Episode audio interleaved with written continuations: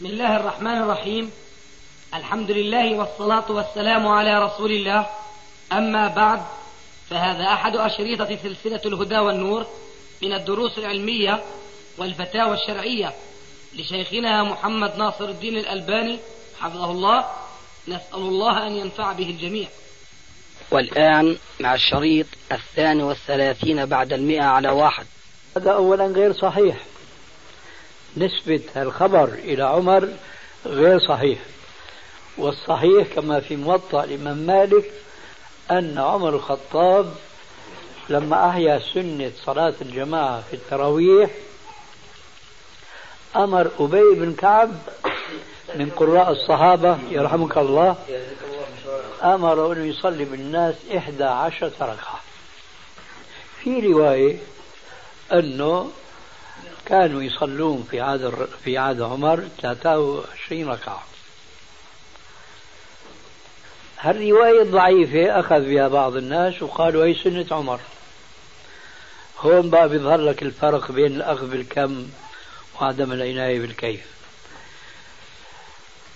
لما كان يصلي أبي بالناس 11 ركعة حسب الرواية الصحيحة أو 23 ركعة حسب الرواية الضعيفة.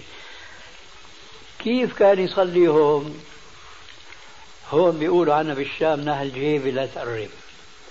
كل شيء بس نهل جيبي لا تقرب. مفهوم هذا الكلام؟ نهي كيفية صلاة عمر لا تبحث فيها. بس انت خذ العدد لأنه هذا اللي بيناسبنا. الكيف تبع عمر كان ينتهي صلاة القيام في زمن عمر إلا ينصرفوا يعجلوا الخدم مشان يحضروا إيش؟ سحور حيطلع الفجر. قديش هي بقى طويلة الصلاة هي؟ الناه لا تقدم. بس قول عمر عمل 23 ركعة. أما كيف صلت 23 ركعة؟ هي ما بنبحث فيها لأنه هي ما تناسبنا. نحن بدنا 23 ركعة مشان نهضم الطعام اللي أكلناه. يلا يلا يلا الله فإذا إذا كان صحيح أنتم معتقدين أنه عمر سوى 23 لكن كانت قراءته طويلة وطويلة جدا. ما في إلى مثل اليوم إطلاقا في العالم الإسلامي كله. فإذا شو ما الذي يوجد في العالم الإسلامي؟ يوجد في الغالب 23 ركعة. أحسن من يصلي 23 ركعة بساعة. هذا اللي بلغنا أحسن من يصلي. إلا في مكة قد يطيلون ذلك أكثر. طيب هل ساعة من الزمان بتصلوا فيها 23 ركعة؟ أحسن شيء صلوا فيها 11 ركعة. حيكون فيها اطمئنان أحسن. واتباع للرسول لأن أن الرسول ما كان يزيد لا في رمضان ولا في غيره على إحدى عشرة ركعة. لذلك السيدة عائشة تقول لما سئلت عن قيام الرسول عليه الصلاة والسلام في الليل عن ركعاته كان جوابه كما يقول الفقهاء جامعا مانعا. هي سئلت قيام الليل بصورة عامة فأجابت ما كان رسول الله صلى الله عليه وسلم يزيد في رمضان ولا في غيره على إحدى عشرة ركعة. يصلي هنا الشاهد يصلي أربعا فلا تسل عن طولهن وحسنهن ثم يصلي أربعا فلا تسل عن طولهن وحسنه يعني شيء طويل طويل لا تسأل عن طوله وعن حسنه منتهى الحزن. ثم يصلي عليه السلام ست ركعات. قام عليه الصلاة والسلام حتى تفطرت تشققت قدماه. قالوا قد غفر الله لك ما تقدم من ذنبك وما تأخر. قال أفلا أكون عبدا شكورا. فنحن بدنا نحتج بعمر. بدنا نحتج بالرسول. لا نحتج بالرسول ليس بعمر. فما بالك إذا كان عمر أمر أبي بن كعب في الرواية الصحيحة أنه يصلي بالناس 11 ركعة. إذا نحن إذا صلينا 11 ركعة بأنات وقراءة طيبة يستطيع الإنسان يتأمل فيما يسمع ويتدبر آيات الله وكلماته. أحسن من الصلاة اللي ما بحس فيها الإنسان بخشوع وكما يقولون اليوم بروحانية والله صلينا 23 ركعة ما عرفنا شو قرأ الإمام من القرآن بعد الفاتحة. هذه مشكلة. هو أنا سؤالي كان عن يعني مش عن التراويح إذا عن القيام القيام هذا هو نفسه أنا حديث عائشة. حديث عائشة في رمضان أو في غيره. على 11 ركعة ما في أكثر. بالنسبة للوتر يا سيدي. نعم. والقنوت أي نعم هم سؤالين تصير واحدة هل يعني الأولى ترك القنوت في صلاة الفجر أم أم نقل؟ يعني في بعض مذاهب آه، تقنط في صلاة الفجر. نعم. أفضل صيغة أو هيئة لصلاة الوتر كيف تؤدى؟ أنت سؤالك في الفجر ولا الوتر؟ آه، سؤالين. اثنين طيب. القنوت في الفجر ليس له أصل صحيح عن الرسول عليه السلام كسنة رتيبة دائما أبدا. الرسول عليه السلام قنت شهرا وليس في الفجر في الصلاة الخمس. وهذا اسمه قنوت النازلة يعني مصيبة تنزل في المسلمين فيسن في حق أئمة المساجد أن يقنتوا في الصلوات الخمس وليس في الفجر فقط. فإذا المصيبة زالت زال القنوت لأنه القنوت قنوت نازلة أما هذا القنوت الذي يفعله بعض الناس وبصورة خاصة الشافعية في بعض المساجد هذا ليس فيه حديث صحيح. فيه حديث ضعيف عند علماء الحديث لفظه ما زال رسول الله صلى الله عليه وسلم يقنت في صلاة الفجر حتى فارق الدنيا. لو كان هذا الحديث صحيح الراس العين بصير القنوت في الفجر سنة رتيبة على طول. شلون بتصلي ركعتين قبل فرض الفجر؟ سنة مؤكدة. كمان القنوت في الفجر لو صح هذا الحديث بصير سنة رتيبة لكن هذا الحديث ضعيف. باتفاق علماء الحديث ثم يوجد ما يعارضه. قال أنس مالك ما كان رسول الله صلى الله عليه وسلم يقنت إلا إذا دعا لقوم أو على قوم. أي نعم. هذا بالنسبة لصلاة الفجر. أما صلاة الوتر فقد صح عن النبي صلى الله عليه وسلم أنه كان يقنت في غير رمضان أيضا لكن مش بصورة رتيبة. تارة وتارة. ولذلك إذا أراد المسلم أن يقنت في في الوتر يقنت أحيانا وليس بصورة مستمرة ويقنت بدعاء اللهم أهدني فيمن هديت وعافني فيمن عافيت إلى آخره. وهذا بذكرني أن القنوت في الفجر ما له هذا الدعاء. هذا الدعاء خاص في القنوت في الوتر. اللهم اهدني فيمن هديت هن بيقنتوا فيه كمان في قنوت الفجر؟ هذا خطأ آخر. بينما الخطأ الأول هو أنه ما في قنوت في الفجر إلا لنازلة وحينئذ يسن القنوت في بقية الصلوات الخمس. لعلي أجبتك عن سؤاليك. أهلا ومرحبا. نعم. في ديننا أكثر من الدنيا إي والله. لازم ناخذ في الخمسه الاولى أي نعم. إيه أنت بتقول هيك يا أبو علي لكن العلم ما بيقول هيك. أوكي. آه. المقصود بالنازلة النازلة يعني تعرض للمسلمين. تعرض. شو معنى تعرض؟ يعني فجأة يفاجئون بها مثل عدو هاجمهم كذا فيدعون. أما الشيء إذا صار عادي مستمرة هذه ما صارت نازلة. أضرب لك مثال الآن مثالين. واحد قديم قديم وواحد جديد ملازم فينا. يمكن أنتم سمعتوا ببلاد الأندلس. كويس. وأنه هذه بلاد كانت إسلامية.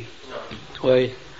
بعدين الأسبان طردوا المسلمين ونصروهم غصبا عنهم وإلى الآن الأسبانيوليين هن محتلين الأندلس. صح؟ في حدا بيقنط الآن؟ ليش؟ لأنه صار جزءا لا يتجزأ من حياة المسلمين الآن أقرب شيء هذا مثال ثاني عندك فلسطين الآن مو بلاد إسلامية ما مضى عليها إلا سنين قليلة مين بيقدر تلا مشان فلسطين؟ لا عاد ليش؟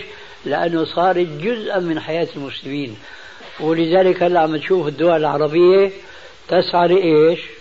لإنهاء القضية فالنازلة معناها في لغة الفقهاء هو الأمر العارض يعني التازة. عرفت كيف؟ بينما أنت عم تشير لشيء ملازم لحياة المسلمين. نعم؟ الله أكبر. أين؟ آه. يجوز الصلاة عن الميت. مثلا واحد مات وما كانش يصلي. وآجي أنا أصلي أتبرع عني أصلي عنه. مثل اللي بيحجوا عن واحد ميت. يعني بتصلي عنه إيه. وصلت لهون يعني. هو عنده عنده خلفيه معلش. لكل سؤال جواب. قال تعالى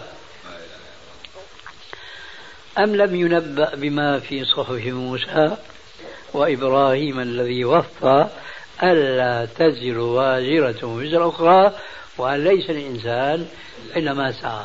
فأنت لما بدك تصلي عن صديقة كلمات ويمكن ما صلى لله صلاة وما دار وشه يوما ما إلى بيت الله. إيه هذا من سعي ولا من سعيك؟ إذا ليس له شيء من هذا السعي. الحج مثلا آه أنت ما تقول بيقولوا لأنه أنت أمام قول رب العالمين الآن. صحيح ولا لا؟ ميت صحيح. فإذا كان ربنا بيقول وأن ليس الإنسان إلا ما سعى. ما لازم بقى تقول أنت بيقوله وإنما بتلي أنت إلي. طيب شو جوابك؟ شو رأيك بالنسبة للحج عن الغير؟ مو هيك أنت بدك تقول؟ الصلاة أنا أعطيتك الجواب. بس أنت بدأت تقول يقولون. عارف شو بيقولوا؟ الحج بيجوز وفي أحدهم يقول أن الصلاة تجوز. ما شاء الله. مقابل كفارة. وإسقاط صلاة بيقول بيجوز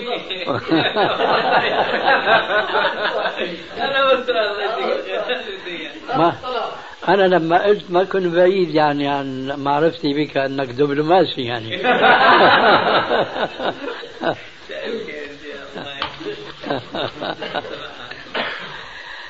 طيب سؤالك كان عن إنه أنت بدك تصلي عن ذاك. بينما هلا انتهى الموضوع بدك تسقط عنه الصلاة. وانت ربه شلون بدك تسقط عنه؟ يعني هلا هذا تارك الصلاة. شو بيكون وضعه في القبر والعياذ بالله؟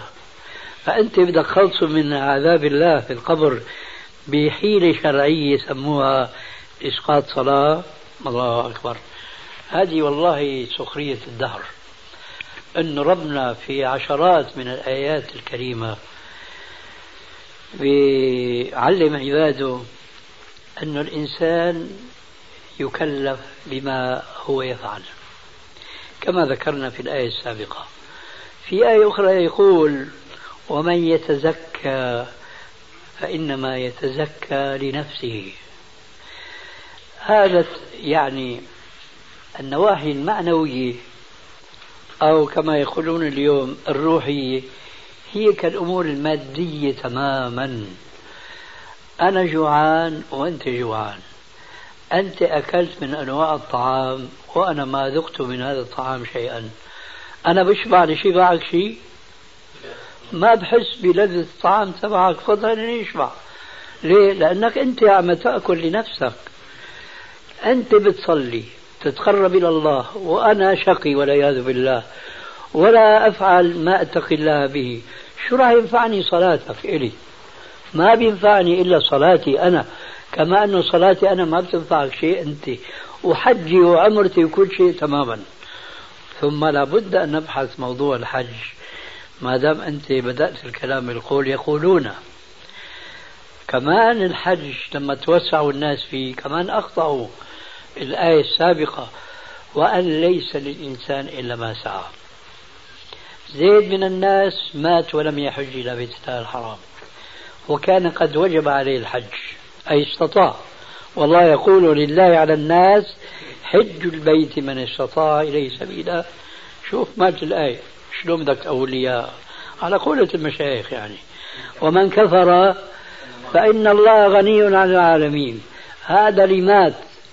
وما حج إلى بيت الله الحرام. صدق عليه الآية ولا لا؟ لا سمعك الله. نحن قلنا نحن قلنا من استطاع. هلا الكلام اللي قلته أنت الحج عن الغير تقصد اللي ما استطاع ولا اللي استطاع؟ شفتوا شلون تحرفها هيك بتدورها؟ أنا بقصد إنه نسبة للصلاه ما هم هم بنسبوا انت لا ما عرفتش علي سؤال بنسبوا انه مثلا نهايه الحج مثلا وفي الصوم بجوز الصوم عن الميت. لأنه بقول لك في امرأة اتت إلى الرسول صلى الله عليه وسلم. ليش تركت الصلاة هلا؟ ليش تركت الصلاة؟ ما هو طول بالك فبيجي بقول لك إنه هل وجب الصوم ووجب الحج؟ فيعني الصلاة مثلهم فرض أنا بقول لك مثله مين بيقول إنه واحد مات وعليه شهور من رمضان وهو شاب مبتدئ فتوة وقوة ونشاطا إنه هذا يصام عنه. مين قال؟ إيه الحمد لله. اذا انت هم 10 أيام ثلاث أيام خمس أيام الحج اذا كان حج حج هو مش آه الخلط في البحث ما بيجوز. الإنسان إما أن يكون استطاع الحج أو ما استطاع. إذا ما استطاع الآية قرأناها آنفا ولله على الناس حج البيت من استطاع إليه سبيلا. ومن كفر فإن الله غني عن العالمين. عن مين عم يقول مستطيع ولا غير مستطيع؟ مستطيع, مستطيع. فنحن الآن يا أبو محمد لا تنسى تأكل بيدك اليمين. نحن الآن عم نحكي عن المستطيع. استطاع وما حج. يمكن في ناس حجوا لأوروبا مرارا وتكرارا وما حجوا مرة واحدة في عمرهم إلى بيت الله الحرام. هذا مات. مين بده يحج عنه هذا؟ ما حدا بيحج عنه. الله قال ومن كفر فإن الله غني عن العالمين. عمر بن الخطاب يقول من ملك زادا وراحلة ثم لم يحج فليمت إن شاء يهوديا أو نصرانيا أو مجوسيا. وبعض الناس بيروح حديث إلى الرسول عليه الصلاة والسلام لكنه لا يصح. المهم إذا هذا استطاع الحج وما حج ما أحد يستطيع أن يحج أبدا. والصائم الذي وجب عليه الصيام وما صام ما أحد يستطيع أن يصوم عنه. والصلاة كذلك وكل شيء كذلك. تركنا بقى الواجبات من حج وصيام وصلاة. لكن الولد بده يحج عن أبيه. تطوعا. له ذلك. بده يعتمر. نفلا. له ذلك. بده يصوم عنه. نفلا. مش يصوم عنه يسقط عنه. صيام. لا ما في مجال يسقط. ابدا. شيخ عساس الحج. إذا كان انهيت يعني أريد أن أسأل سؤالا. تفضل من كان يعتقد صلاه الساعة مغشوشه هي مغشوشة بس من صالحك. أنا عارف. الحمد لله دائما تأتي الساعة من صالحي الحمد لله. للآن ما وصلت. لا وصلت على الحد. أبدا للآن ما وصلت. هي ثمانية أي نعم. من كان يعتقد عقيدة شركية وهو مسلما يعني يدعي الإسلام ولكنه في معتقداته فيه شركيات. وحج وهو على يعني وهو يعتقد هذا الاعتقاد حج إلى بيت الله الحرام. وكانت حجته حجة الإسلام. ثم من الله عليه سبحانه وتعالى بأن يهتدي إلى الصراط المستقيم وسنة أهل السنة والجماعة الطريق الصحيح فهل حجة الأولى تجزيه ولا ما تجزيه؟ هذا يختلف باختلاف الجو الذي يعيش فيه.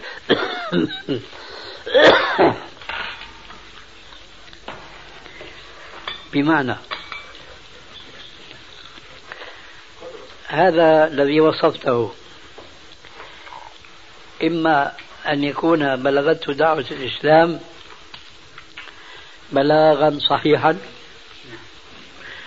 وأصر على ما تسميه بالشرك فهذا معناه أنه يجب عليه أن يحج مرة أخرى.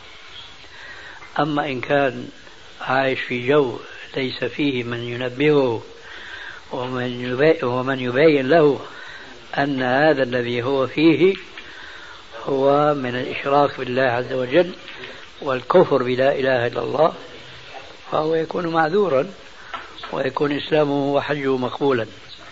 أي نعم. هذا التفصيل لابد منه. طيب. نعم الموظف متزوج ياخذ سبع دنانير علاوه على راتب زوجته اذا اذا لم تعمل تعمل لا سبع دنانير يعني علاوه الزوج علاوه غلاء معين. ففي موظف يشتغل في الدولة يأخذ دنانير على الزوجة بالرغم إن الزوجة تعمل. فما في شو حكم دنانير في الحالة هاي؟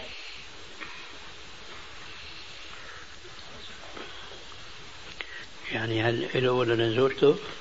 الزوجين بتشتغل. مقرر الدولة اللي الزوجين إذا بيشتغلوا ما لها سبع دنانير للزوجة إذا أنا أنا فهمت الكلام بس خلاصة الكلام هي للزوجة ولا للزوج؟ لا بجوز ياخذهم هذول مرتين؟ للزوج. مرتين شلون؟ بياخذ سبعة هو عنها وهي بتاخذ راتبها في الحالة هي بتشتغل مش لازم يأخذ هو السبعة. فهو ما بقول للدولة إنه أنا باخذ زوجتي بتشتغل آه وكاتب كاتب عن الدولة يعني. الدولة شغل الدولة. كاتب عن الدولة. وليش كتمت عني أنت؟ أنا ما فهمت منك إنه كاتب عن الدولة. ما بجوز طبعا في سؤال بالنسبة لل أنا كطبيب يعني بشتغل في عيادة في عسكريين ما بدفعوش فلوس ما بدفعوش مثلا علاج مجانا المرات بيجي ناس فقراء يعني فقراء الحال أو ناس مثلا موظفين راتبنا كثير مع الشركة يعني فبيجوا إنه يترجوا إنه أعالجهم أو يعالجهم قبل اطباء ثانيين يعني أساس انهم عسكريين مجانا فما حكم ذلك الإسلام؟ هل هذا يجوز؟ وان ليسوا عسكريين ليسوا عسكريين لكن فقيرين فقيرين طبعا كموظفين مين المسؤول عن الدائرة هذه؟ إن كان سمح بذلك فعلى مسؤوليته وإن لم يسمح فلا يجوز. نعم. نعم. هو لا يسمح. لا يسمح ما بيجوز. في فقراء يعني فقراء. يدفعوا فلوس اما لا يدفع طبعا أولاد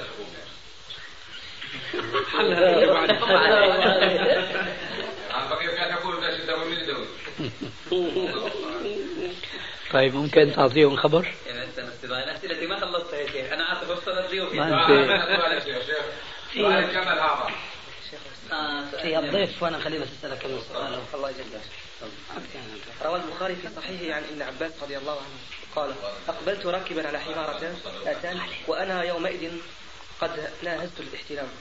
والرسول عليه الصلاة والسلام قائما يصلي بالناس في من؟ في حجة الوداع إلى غير جدار. فالسؤال فهل يقال دل هذا الحديث على صرف الأحاديث الآمرة باتخاذ السترة من الوجوب إلى الاستحباب؟ لا لا يدل هذا الحديث آه، على ما جاء في السؤال من صرف الأوامر من الوجوب إلى الاستحباب لسببين اثنين.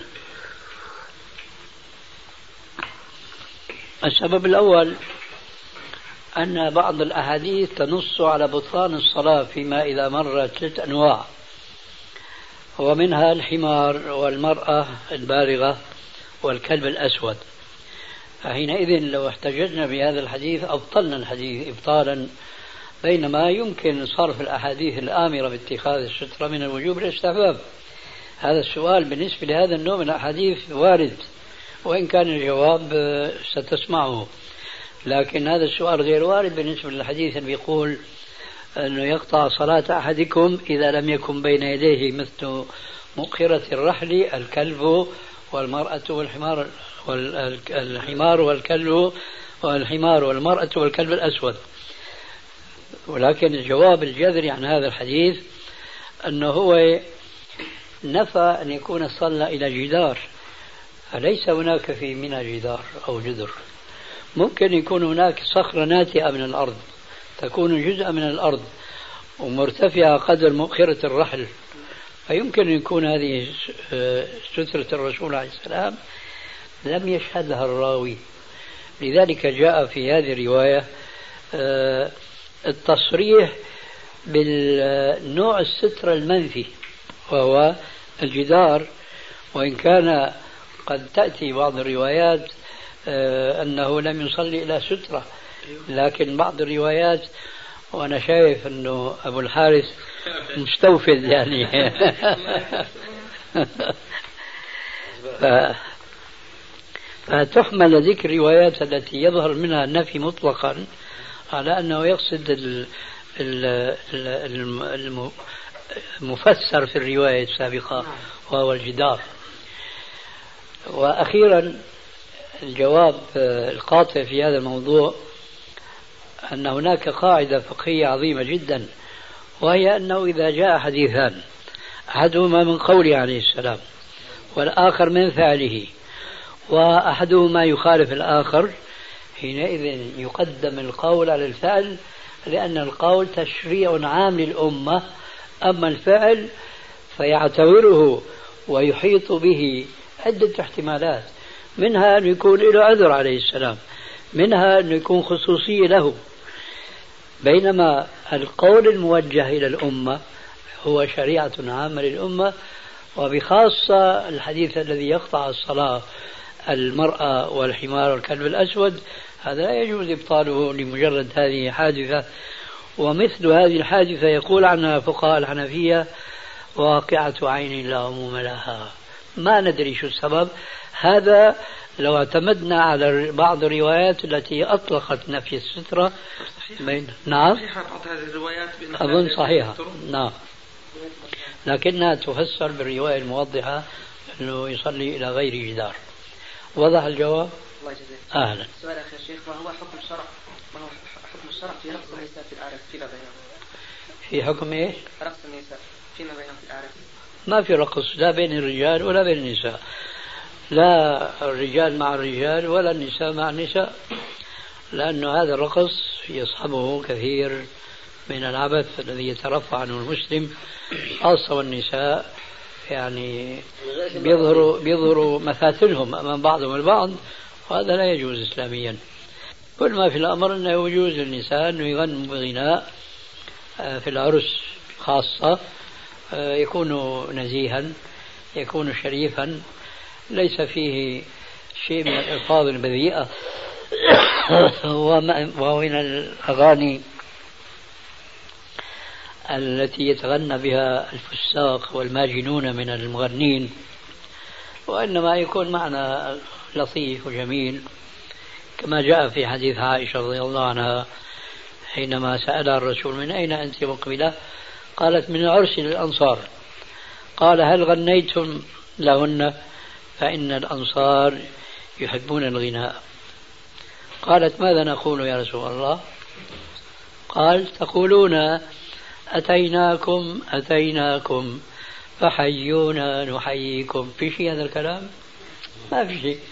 أتيناكم أتيناكم فحيونا نحييكم. ولولا الحن ولولا الحنطة السمراء لم تسمن عذاراكم. كلام سليم نظيف إذا كان الغنى من هذا النوع فلا بأس به سيدي يمكن سؤال تفضلت انه سألها الرسول عليه الصلاة والسلام من أين انت قادمه؟ هل هذا يعني أنها خرجت من بيتها بدون إذنه؟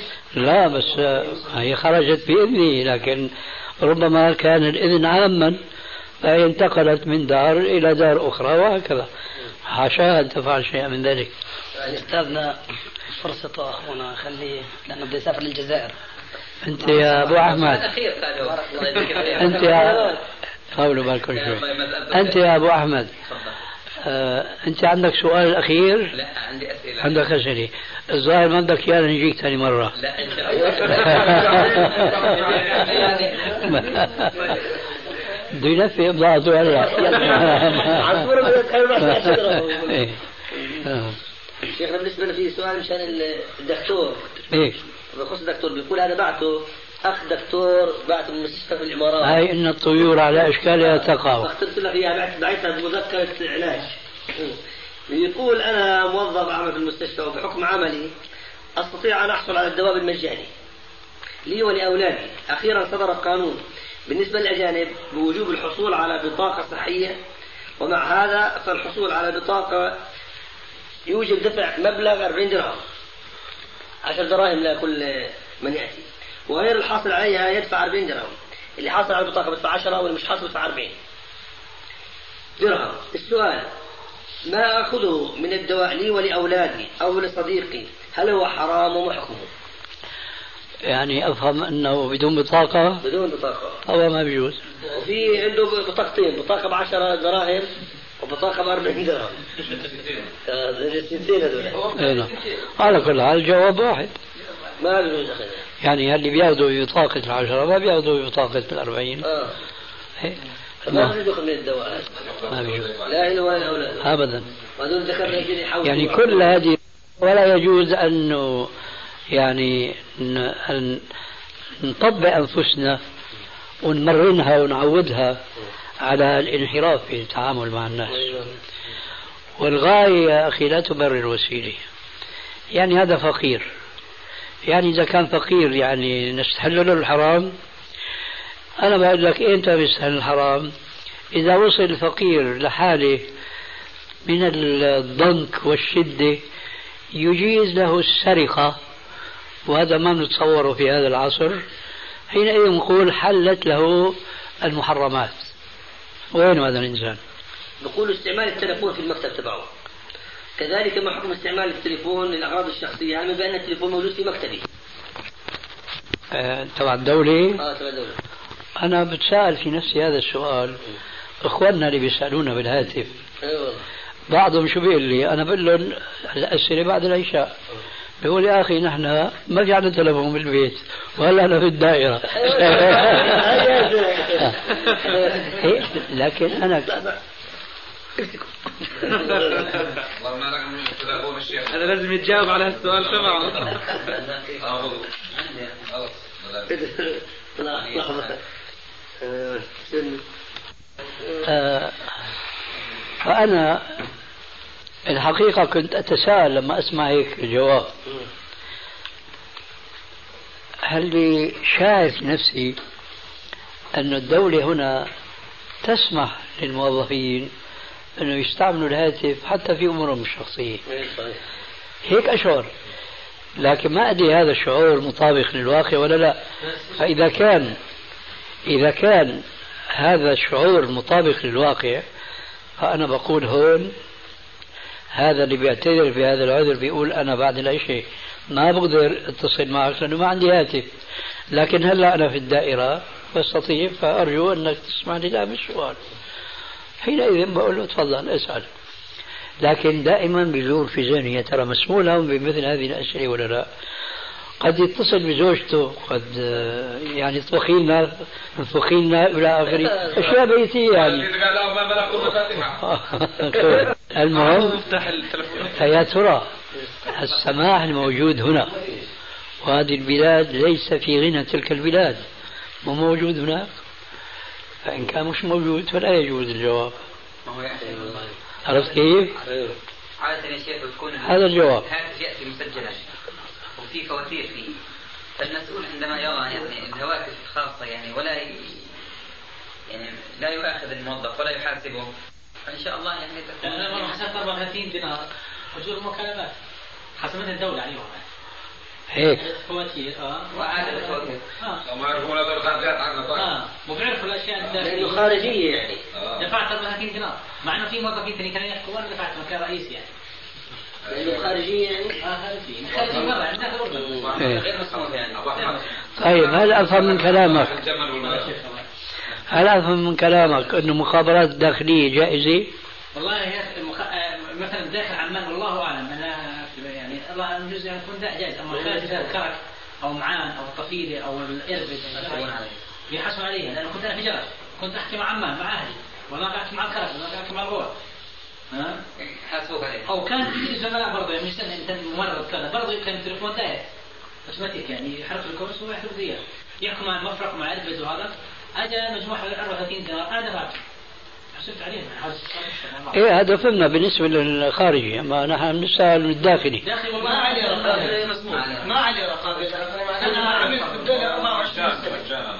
كنا نستخدم التلفونات في داخل عمان وكذا ما فيش عليها رقابه نهائيه أنا هذا اللي شاعر فيه تماما. فلازم يكون هناك يا أخي مضاعف على كل حال الجواب بهذا التفصيل. طيب يا أخي. بس سؤالين ثلاثة بس ثلاث ما بدك أنا نجيك ثاني مرة؟ إن شاء الله تأتي إن شاء الله المرة الجاية بتكون بالنهار بحوش جديد. حتى يكون معنا حوش له إن شاء الله. لازم نستمع نستمع في سألوني الإخوان في خطبة الجمعة عن الجمل والوضوء من أكل لحم الجمال فسئلت في الحقيقة بعد الخطبة طيب شو السر يعني؟ لماذا أكل لحم الجمل يفسد الوضوء؟ وأنا الحقيقة ما يعني ما ما, ما علمت السبب وما اغترت أجاوب قلت لا أدري. ولكن يعني في هذا نص عن رسول الله صلى الله عليه وسلم والجمال أكل أكل الجمل يفسد الوضوء. أما شو السبب ما بعرف. هل عندك جواب؟ جزاك الله خير. بقدر أقول لك ما عندي جواب وبقدر أقول لك عندي جواب. هات جواب. بس أول شيء بدي جاوبك عما ليس عندي جواب.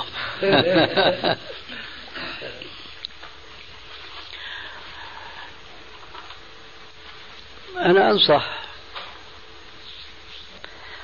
أنه لا يجوز للمسلم أن يعود نفسه عن السؤال عما يسمى عند العلماء بحكم التشريع. وعلى حد تعبيرك أنت السر شو السر؟ أنه الرجل إذا أكل لحم الجمال يجب عليه الوضوء. ما لازم نسأل عن أسرار يكفي هذا الاسم سر لو كان في شرع خرج عن كونه سرا عرفت شلون؟ لأنه عرفت بتجربتي بالحياة ووقعت أنا كما وقع غيري بس الفرق أنه ربي هداني بعد أن ضللت وكنت أتفلسف على الشباب لهم حكمة الحكم الفلاني كذا وكذا لكن فيما بعد عرفت أنه لن أستطيع أنه أعطي لكل سائل جواب عن كل سؤال في الحكمة أو في السر حكم التشريع. ولاحظت أنه الشباب اللي نشأوا وهم يسألوني هذه الأسئلة وأنا أجيبهم عليها صاروا ما يقتلوا مني هيك حكم الشرع؟ هيك قال الله هيك قال رسول الله. بدهم يعرفوا شو السر؟ إذا هدول ما انطبعوا بطابع ما وصف الله عز وجل به المؤمنين في افتتاح سورة البقرة. ألف لام ميم.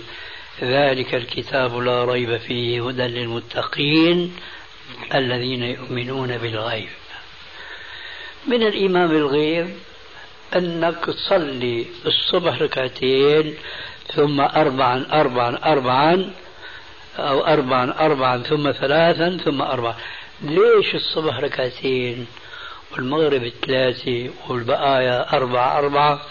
وليش شي جهر شي سر شي نص هيك وربع هيك؟ ويسلموا تسليما. هكذا يجب أن نطبع أنفسنا نحن بصفتنا مسلمين ثم لا بأس إن بدا لنا حكمة. هيك يعني عفو الخاطر كما يقولون. ما في مانع. لأن الحقيقة الإسلام كله حكم لكن وما يعقلها إلا العالمون. أما نجي نطبع الناس اللي ما فهمان شيء من الإسلام السر في كذا كذا وفي كذا كذا إلى آخره. الحصيلة أنه ما يآمن معك بحكم إلا مقرونا ببيان الحكم أو السر. هذا شيء من قولي بقدر جاوبك ما بقدر جاوبك. يعني بتعرف هذا السؤال مثل إيش؟ شو بدي أجيب لك حكم؟ في بعض المذاهب بتقول مثلا واحد لمس هيك زوجته انتقض وضوءه. شو السر؟ نعم. خوف يزيد الزود بعدين لمس. زيادة يعني. خذ طول بالك فاهم. هون في عندك يا أبو علي ثلاث مذاهب. أنت هلأ خرجت عن هذا المذهب. في مذهب بيقول إذا لمس هيك انتقض وضوء خلاص ولو عمل هيك. لكن واحد عمل هيك. في حلو. هذا انتقض وضوءه لأنه في شهوة في الموضوع. آه. فنحن عم نحكي على المذهب اللي يقول أخذ من المرأة ثمن إيش؟ القماش مثلا.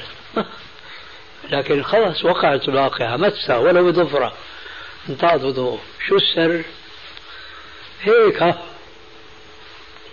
فلسفتك مش وارد يا أبو علي.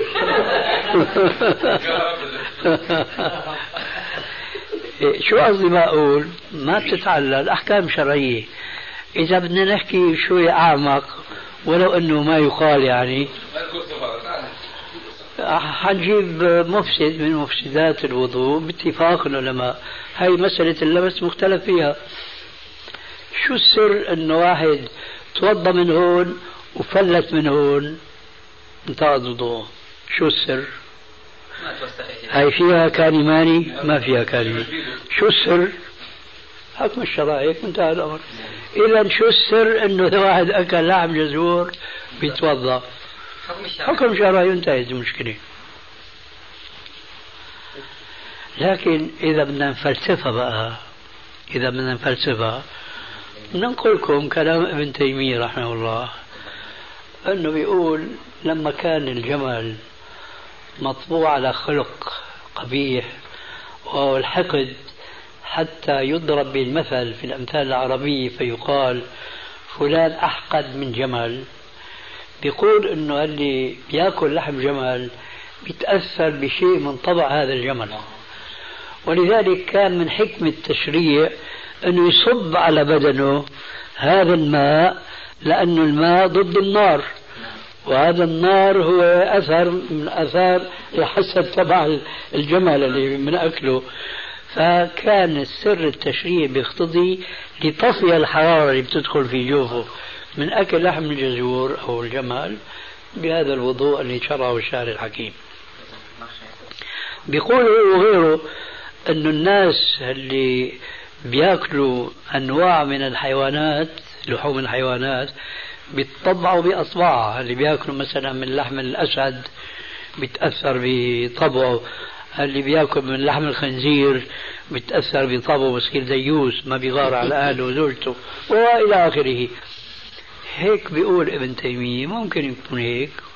ونحن بكفينا انه حكم الشرعي هيك الآن أبو الحارث شو بدي احكي؟ هذا كنت أقول بالنسبة لمسألة سر التشريع يعني نعم. مثل في مثل يعني يضرب في يعني في هذه القضية وهو مسألة المني والبول إنه نزول المني وهو طاهر يوجب غسلا ونزول نعم. البول وهو نجس لا يوجب غسلا إنما وضوءا طيب. هذا لا يقال يعني ما هو السر فيه إنما هو تعبديه هذا قول علي رضي الله عنه قال لو كان الدين بالرأي لرأيت مسح أسفل النعل خير من مسح أعلاه لأنه المسح من تحت مو من فوق. لكن هيك الدين آه. فليس الدين بالرأي يا الله سبحانك اللهم وبحمدك. أشهد أن لا إله إلا أنت.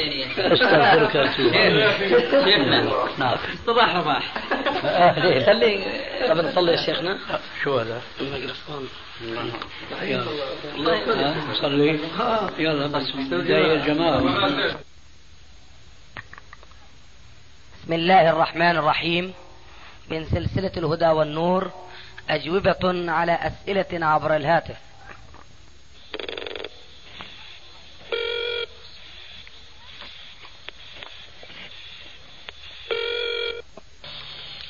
نعم.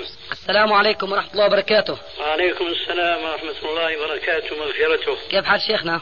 الحمد لله بخير. الله يبارك فيكم. الله يحفظك. شيخنا معاك الأخ أبو ماهر.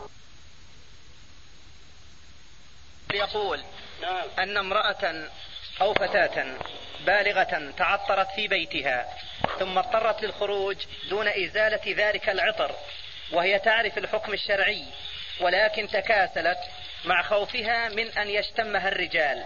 فهل تقع تحت طائلة الحديث النبوي فهي زانية؟ نرجو إذا كانت صادقة فيما تنقل عنها نعم. أن لا تدخل في ذلك. نرجو الله ذلك. إيه نعم. بارك الله فيك. وفيك إن شاء الله. طيب نستودعك الله. الله يحفظك يا أبو ماير الله يكرمك يا شيخي يا أستاذي. دعواتك. الله يثبتنا واياك الاخ الاخ السلام عليكم ورحمة الله وبركاته. عليكم السلام ورحمة الله وبركاته. ومغفرته كيف حال شيخنا؟ الحمد لله بخير. الله يبارك فيكم. كيف حالك؟ الحمد لله الله يجزيك الخير. بخير الحمد لله. أبو عمير بدي أسألك سؤال تسمح؟ تفضل. السلام عليكم. السلام ورحمة الله كيف وبركاته. حالك شيخنا؟ الحمد لله. كيف أنت؟ الحمد لله. طيب. الحمد لله جزاكم الله خيرا. أستاذ حدث نقاش اليوم مع أحد الشباب. نعم. سألني عن حكم مصافحة الأجنبية فقلت لا يجوز طبعا. فطلب مني الدليل ذكرت له حديث لأن يطعن في رأس أحدكم بمخيط من حديد خير له من أن يمس امرأة لا تحل له. نعم. فقال لي هل الحديث في, في الآخر لا تحل له؟ معناه يعني آه، مثل الزوجة ومثل الأم. فما وافقت على التفسير هذا. فإيش هو التفسير الصحيح؟ علما بأنه هو أخذ هذا التفسير هذا من كتاب من أحد إخواننا اسمه محمد بن أحمد بن إسماعيل مصري وهو نفسه نقل كلام من كلامك أنت يا شيخنا. قال قال الألباني حفظه الله وفي الحديث وعيد شديد لمن مس امرأة لا تحل له. نعم. ففيه دليل إلى آخره. وهو شرح هذه الكلمة قال وقوله خير له من أن يمس امرأة لا تحل له أي لا يحل له نكاحها. فإيش هو أستاذنا؟ جواب صحيح. صحيح والذي أنت فهمته والذي سطرناه ويؤيده أن مس المرأة التي لا تحل له أن يمسها زنا. مصافحة المرأة زنا. نعم. حيث قال عليه السلام كتب على ابن آدم حظه من الزنا فهو مدركه لا محالة فالعين تزني وزناها النظر والأذن تزني وزناها السمع واليد تزني وزناها اللمس. نعم. فهذا كذاك. كلاهما يؤيدان تحريم مس المرأة الأجنبية. فقوله لا تحل له هو بمعنى المرأة الأجنبية. فلو صافح أمه أو أخته أو محرما من محارمه جاز. نعم. لأنه يحل له مصافحتها. إذا أستاذنا التفسير أخونا الذي قال في الكتاب أي لا يحل له نكاحها خطأ. أكيد. مم. جزاكم الله خيرا يا أستاذ. إياك السلام عليكم. عليكم السلام ورحمة الله وبركاته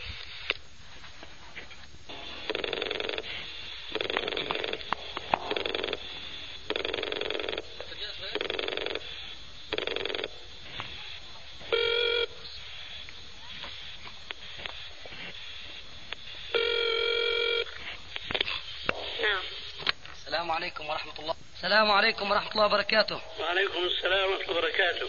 كيف حال شيخنا؟ أهلين هذا السؤال يا شيخي. ما حكم رجل حلف على زوجته وقال علي الطلاق لا أخربك أي لا أي لا أجامعها لا يجامعها؟ نعم. وف- وفي نفس الجلسة قال لها أقسم بالله لا أجامعك. وبعدين جمعها. أو لسه يا أستاذ ينتظر ينتظر أستاذي. إيه، ينتظر يعني بده يجمعها؟ أي نعم. إذا مثل لو كان جمعها بيطلع عليه كفارة يمين. فقط يا شيخي. إطعام عشر مساكين. جزاك الله خير. هيا السلام عليكم. عليكم السلام ورحمة الله.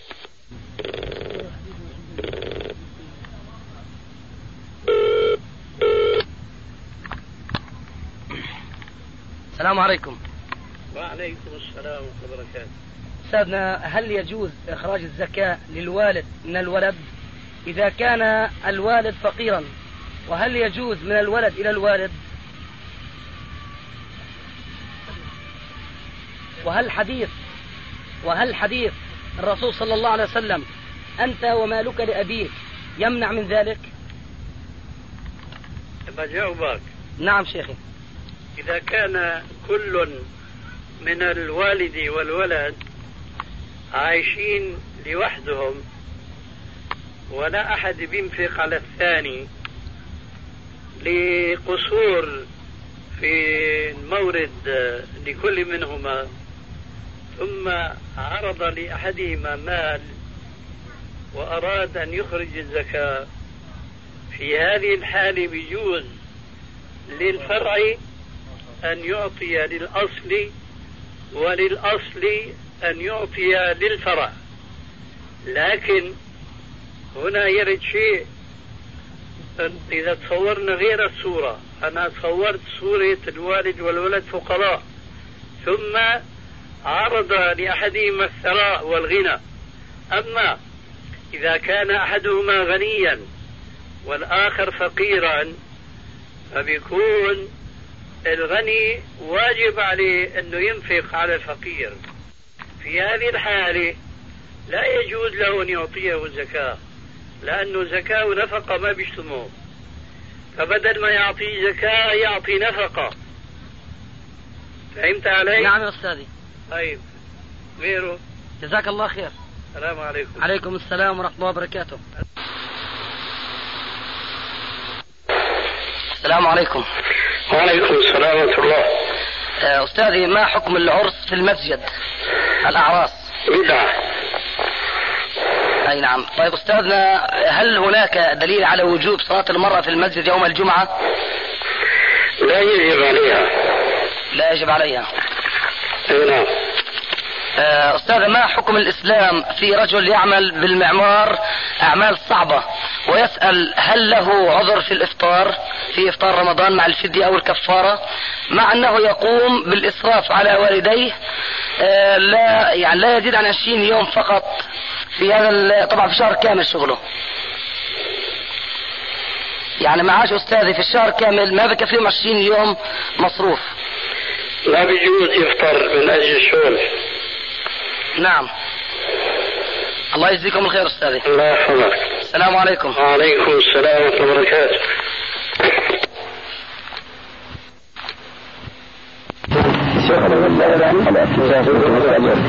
نعم. الاعتكاف متى يبدأ يعني في الوقت في التاريخ الاعتكاف ليس لا اقصد يعني في العشر الأواخر. انت ما شاء الاعتكاف ليس له وقت. انت ما شاء المعتكف يبتدئ الاعتكاف لكن هناك أوقات فضيله هذه الأوقات يختارها. كان شهر رمضان كله وقت فضيلي وبصورة خاصة. العشاء الأخير منه.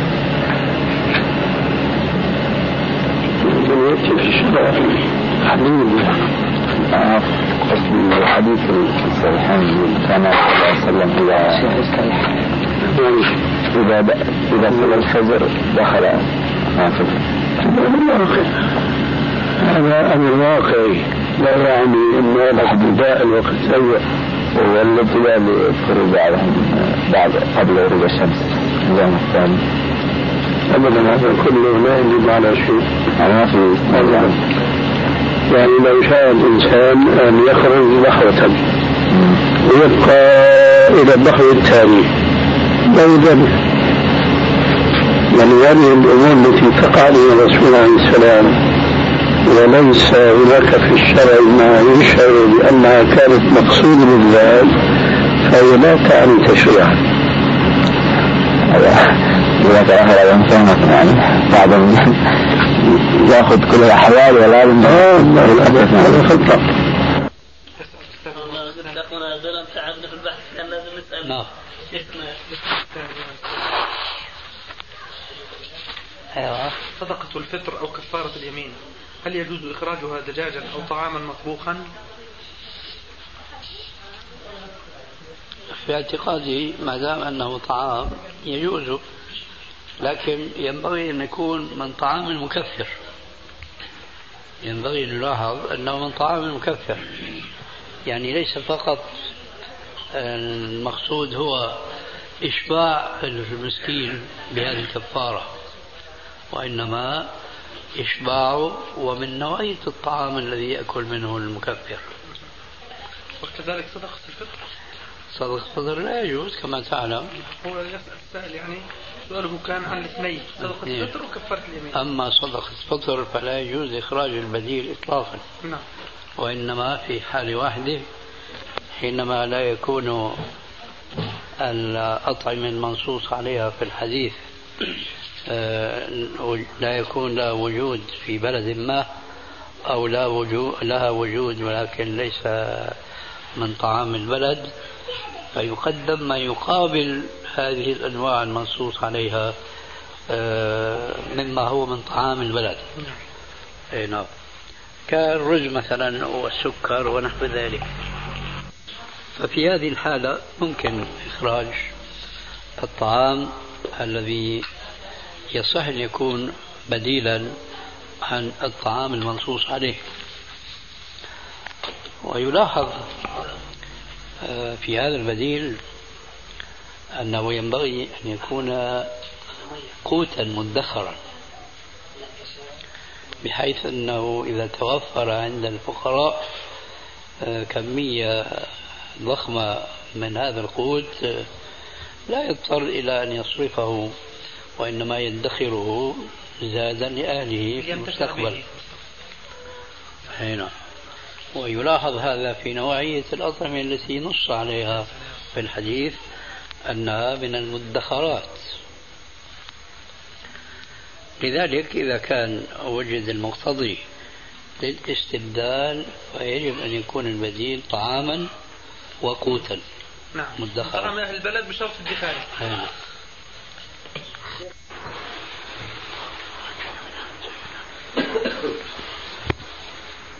الحمد لله رب العالمين. الرحمن الرحيم. ملك يوم الدين. إياك نعبد وإياك نستعين. اهدنا الصراط المستقيم. صراط الذين أنعمت عليهم غير المغضوب عليهم ولا الضالين.